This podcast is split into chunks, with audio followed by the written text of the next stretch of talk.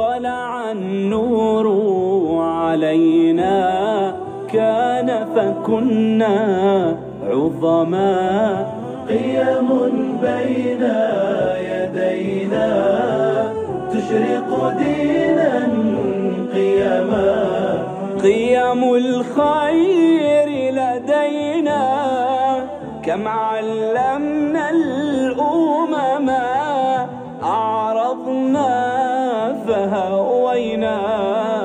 فلما الإعراض هذا البرنامج برعاية مكتب الجمعية العلمية السعودية للقرآن الكريم وعلومه.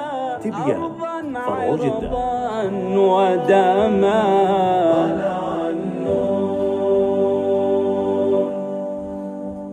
إنه من عبادنا المخلصين. هكذا وصف الله تبارك وتعالى سيدنا يوسف عليه السلام. فما هو المخلص؟ وما هو المخلص؟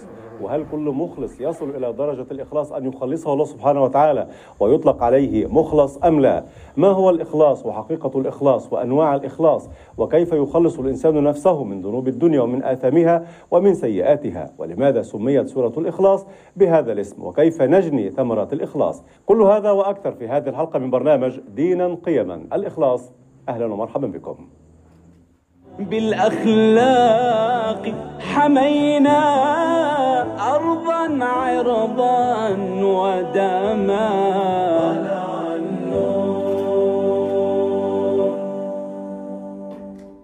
مشاهدينا الكرام رحبوا معي بالعالمين الجليلين العدلين الثبتين من علماء الأمة الإسلامية أصحاب المعالي والفضيلة الشيخ الأستاذ الدكتور محمد راتب النابلسي. مرحبا بفضيلتك شيخنا. بارك الله بكم وفيك بارك. وصاحب الفضيلة فضيلة الشيخ الأستاذ الدكتور عمر عبد الكافي. مرحبا بفضيلتك مرحبا أهلا وسهلا. بارك الله فيك ربنا يرفع قدرك أنا في الحلقة المنصرمة بدأنا بشيخنا الدكتور محمد راتب النابلسي. فهذه الحلقة نبدأ بفضيلتك. ما رأيكم؟ يعني ده هل هذا من الأخلاق؟ لا هذا هو العدل هذا هو العدل. العدل. يعني انت أنت لم تأتي بالفضل بعد. الله يرضى عليك. بارك الله فيكم اتفقنا في الحلقة المنصرمة أن نبدأ كما أشار شيخنا الأستاذ الدكتور محمد راتب النابلسي بالإخلاص. نعم. لما نقول الإخلاص ما هو الإخلاص؟ الحمد لله وصلاة وسلاما على رسوله صلى الله عليه وسلم وبعد. صلى الله عليه وسلم. الإخلاص آه، شيمة ثلاثية الأبعاد. إذا؟ جاز بال- بالتعبير الإعلامي تمام. أو بالكاميرات أو بالتصوير. أو ذات بعد ثلاثي. آه، لأن الإخلاص هو سر الأسرار في قضية الأخلاق. تمام. والمنبع الصافي آه. لكل إذا إذا إذا صورت الأخلاق كبستان نعم. فسور هذا البستان وماء هذا البستان الذي يرويه ونسيم هذا ال- ال- ال- ال- البستان الذي يغذيه هو الإخلاص. لماذا؟ لماذا؟ في في في صفات الإخلاص أو صفة الإخلاص ال- الصفة الأولى أن العبد نفسه لا يعرف أنه من المخلصين فلا يغتر فلا يغتر يرفع الإخلاص من أمام العبد المخلص حتى يصير مخلصا. الشيطان نفسه لا يستطيع. ما الفرق بين مخلص ومخلص؟ آه آه. مخلص هو صنع كل شيء بتزكية نفسه وتزكية العمل. تمام. بين مخلص ومخلص آه آه. مخلص هو صنع كل شيء بتزكية نفسه وتزكية العمل تمام. وتجديد النية أن يصير العمل لله وحده تمام إن أنا أغنى الأغنياء عن الشرك نعم. فإذا أخلص نيته هكذا أنزل الله عليه سبحانه وتعالى مددا من عنده ونورا من عنده فيصير عبدا مخلصا فيصر حتى يصنفه أنه بعيد عن مرمى إبليس إلا عبادك منهم المخلصين. آه تمام. مم. فأول ركيزة من الركائز الثلاثية أن العبد نفسه المخلص أيوة. لا يعرف مدى إخلاصه فلا يغتر. الثانية. الثانية أن الشيطان لا يستطيع أن يطلع على قلب المخلص أو على الإخلاص في قلب المخلص فيفسد عليه. ما يستطيع. سبحان. الله العظيم. الملك نفسه الملك الموكل بكتابة الحسنات آه. لا يطلع على الإخلاص ويكتبه لأن الإخلاص علاقة بين العبد وبين خالقه وبين وهذه سمة الإخلاص العجيبة تمام فضلتك إذا ألا يعرف أنه مخلص أيوة ألا يطلع الشيطان على في- قلبي في- في فيفسد إخلاص- فيه من الإخلاص. فيفسد الإخلاص الثالث ولا. الملك ان أن ولا يكتبه. لأنه لأن أنا أنا أصلي مم. الملك يكتب ركوعي وسجودي وتؤدتي في صلاتي م- ما يراه من مدى. الإخلاص في هذه الصلاة لا يعلمها إلا الله الله. الذي يطلع على السرائر صاحب الفضيلة شيخنا الدكتور محمد راتب النابلسي فضلتك في الحلقة المنصرمة قلت الإخلاص يحتاج إلى إخلاص نعم ما معنى هذه المقولة؟ يعني هناك حالة اسمها عبادة القلب. تمام. قال تعالى فاعبد الله مخلصا نعم. له الدين. العبادة علة وجودنا. قال تعالى وما خلقت الجن والإنس إلا ليعبدون. نعم سليم. وفي تعريفاتها الدقيقة هي طاعة طوعية ليست قسرية. طبعا. الذي خلقنا حياتنا بيده موتنا بيده صحتنا بيده كل شيء بيده ما قبل أن نعبده إكراها. قال لا إكراه بالدين تمام. بل أراد أن تكون المحبوبية أساس العلاقة به. نعم. قال يحبه ما يحبونه. لذلك فاعبد الله مخلصا. نعم. العبادة طاعة طوعية ممزوجة بمحبة قلبية فما عبد الله من أطاعه ولم يحبه وما عبد الله من أحبه ولم يطعه. نعم. طاعة طوعية. تمام. ممزوجة بمحبة قلبية. نعم. أساسها معرفة يقينية تفضي إلى سعادة أبدية. نعم. في بهذا التعريف كليات ثلاث. نعم. الأولى. الأصل في العبادة الطاعة. تمام. الخضوع لمنهج الله. بكل تفاصيله. سليم. من أخص خصوصيات الإنسان من العلاقات الزوجية إلى العلاقات الدولية. نعم. منهج كامل. هي العبادة التي أرادها الله عز وجل. نعم. هذه العبادة ممزوجة بعبادة القلب. القلب عبادته الإخلاص. فاعبد الله مخلصا. مخلص. يعني من علامات الإخلاص أن يستوي العمل في السر والعلن. نعم. أن يستوي العمل في المديح والذم. أن يستوي العمل في المديح في الخلوة والكثرة. العمل الواحد ما بيتغير علاقته مع الله عز وجل. سليم. أما في إنسان عبادته جغرافية بينتقل من بلد لبلد بيغير دينه. آه سليم. قلت في لطيف. شيخنا الدكتور عمر كيف يحقق العبد الإخلاص؟ اولا أن يعلم أنه عبد يتسم بصفات العبودية. أول صفة من صفات العبودية أو جذع شجرة الإخلاص الذلة لله. ولا يحدث نصر الإنسان ولا توفيق الإنسان ولا توفيق الأمة إلا إذا ذلت لخالقها. وصف تمام. ولقد نصركم الله ببدر وأنتم أذلة. تمام؟ وصف المؤمنين. قال اذل على المؤمنين. أعز. على الكافرين. أما أن تغير فالإخلاص قد تبخر. عندما وأنتم أذلة. تمام؟ وصف المؤمنين. قال اذل على المؤمنين. أعز. على الكافرين. أما أن تغير فالإخلاص قد تبخر. عندما تذل لأخيك المؤمن ليس منا من لم يوقر كبيرنا ويعطف على صغيرنا ويعرف لعالمنا حقه هذا إذا نبتت هذه الفروع على جذع الإخلاص. تمام. فإذا زرعت وغرست أنت شجرة الإخلاص في قلبك أورقت هذه الذلة. عبد عبادة وعبد عبودة. عبد عبادة يعني عبد موسمي. يجي في رمضان ويصوم ويبقى تمام. طيب ويصلي التراويح. فإذا انقضى رمضان رمضان ولا قم هاتها يا ساقي. هذه هذه مشتاقة تسعى إلى مشتاق. هذه الكارثة سبحان الله. لكن العبد ال ال الإنسان هو ليس عبدا موسميا ليس يعبد العبادة لذاتها إنما يعبدها تكليفا ومحبة كما قال أستاذنا. لله سبحانه وتعالى.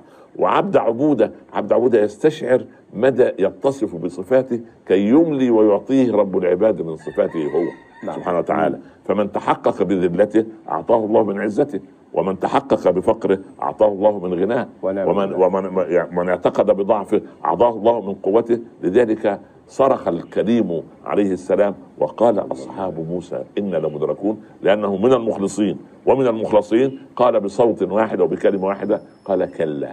مع أن كلا هذه تنافي الحواس والنظرة. العدو وراءنا والبحر من أمامنا. إنا لمدركون. قال كلا. لما؟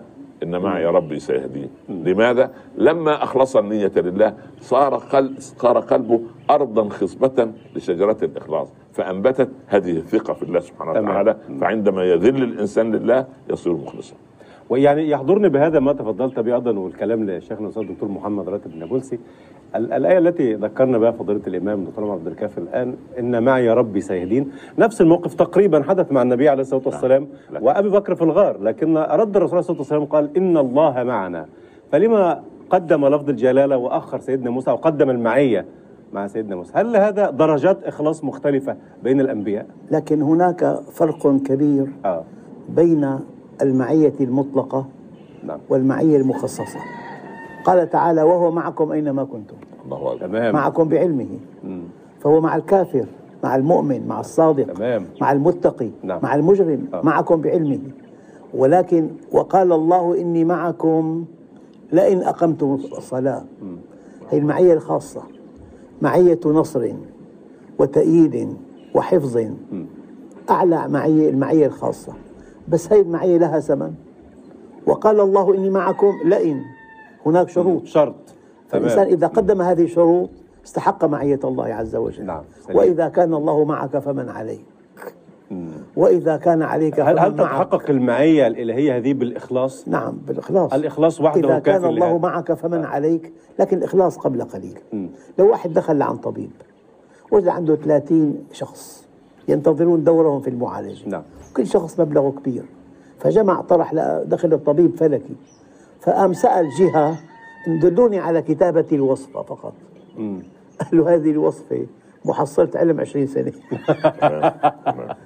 ابتدائي ولكن ومتوسط يعني وثانوي وجامعي طبعاً، طبعاً. ودبلومات وماجستير دكتوراه. الملخص الوصفة.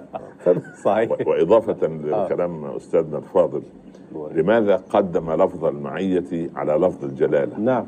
قال إن الله إن, إن معي ربي. نعم. إن معي ربي. وسيدنا موسى من رؤساء أقسام الأدب مع الله عز وجل. لكن سيدنا محمد صلى الله عليه وسلم قال في الغار إن الله. معنا. فقدم لفظ الجلالة على لفظ المعية. القضية في المخاطب. موسى عليه سيدنا موسى عليه السلام يحدث بني إسرائيل.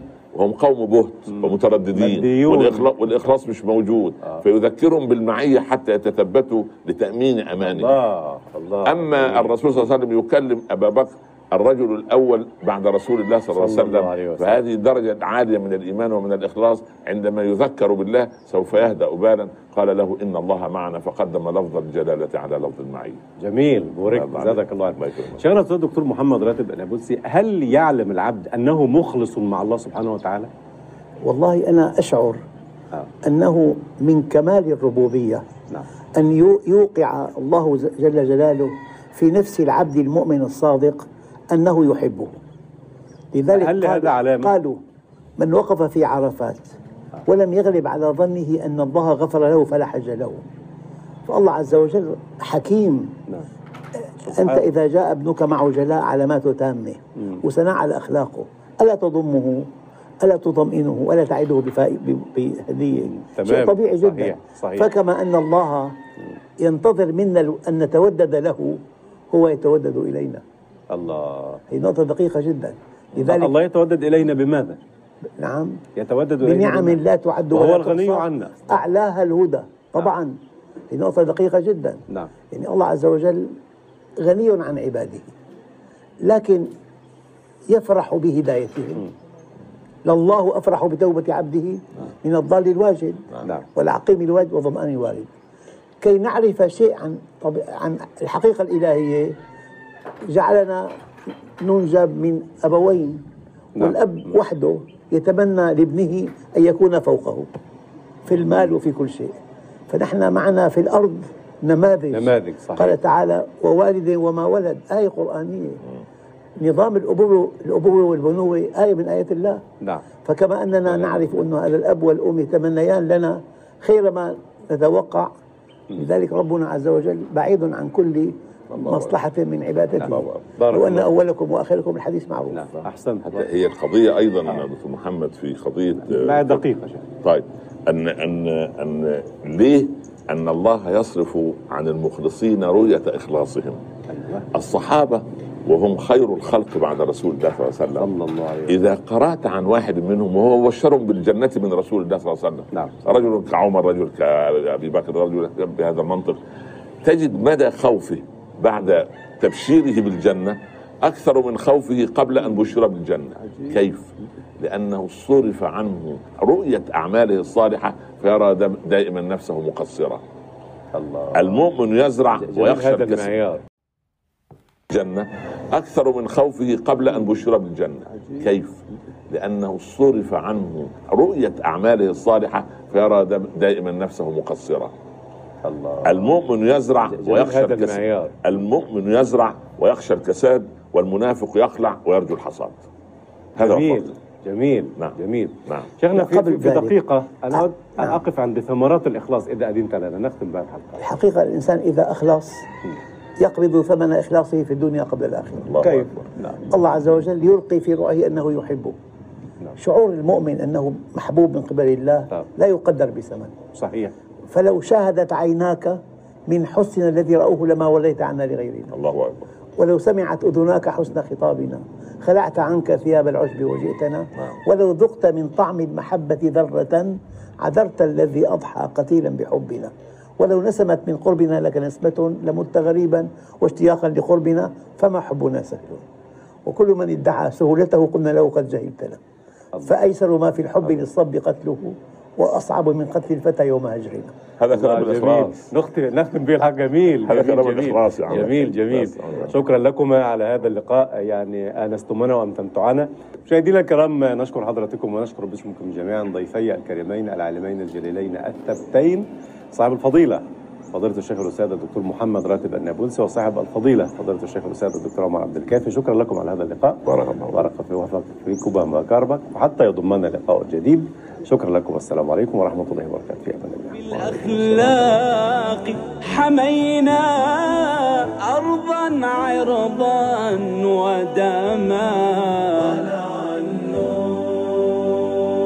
هذا البرنامج برعاية مكتب الجمعية العلمية السعودية للقرآن الكريم وعلومه تبيان فرع جدة.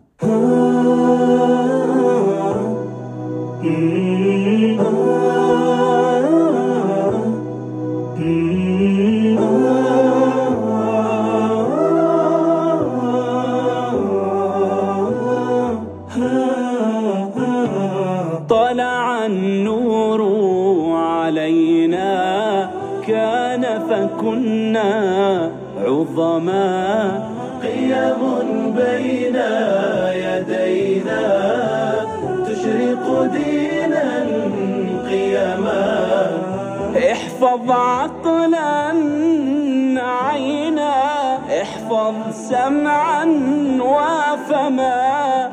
أين المسلم؟ أين؟ فالمسلم من سلم.